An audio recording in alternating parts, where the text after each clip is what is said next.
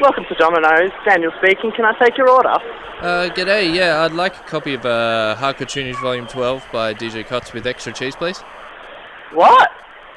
Uh, a copy of Hardcore Tunage Volume 12 with uh, extra cheese. What the hell are you talking about? This is what I'm talking about.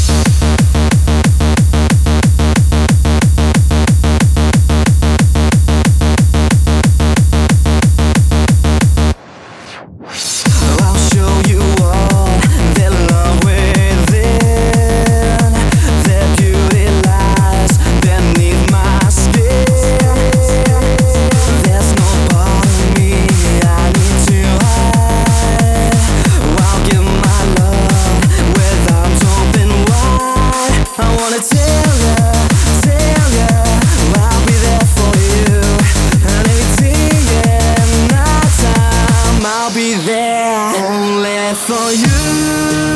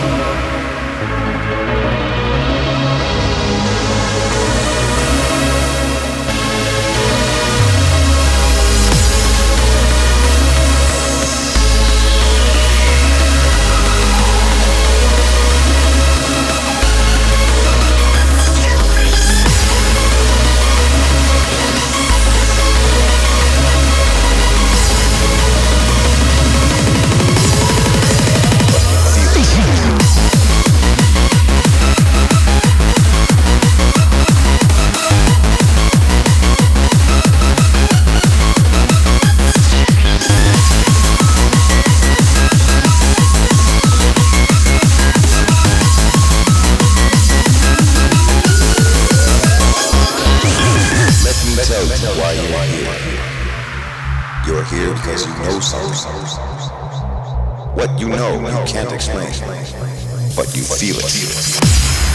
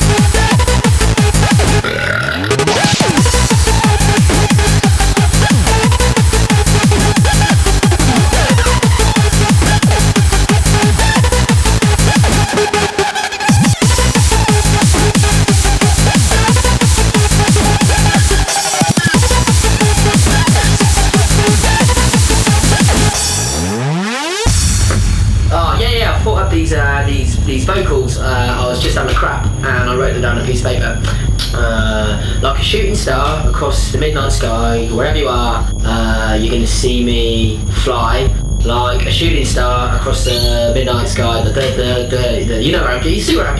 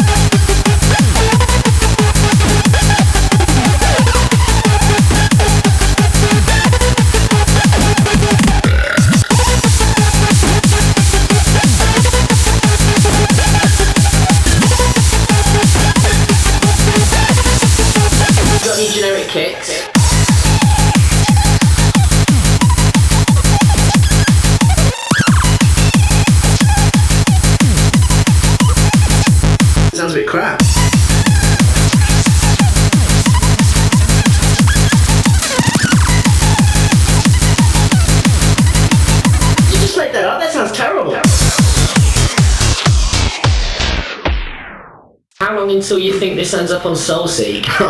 Give it about Five minutes. Five minutes. Five minutes. Five minutes.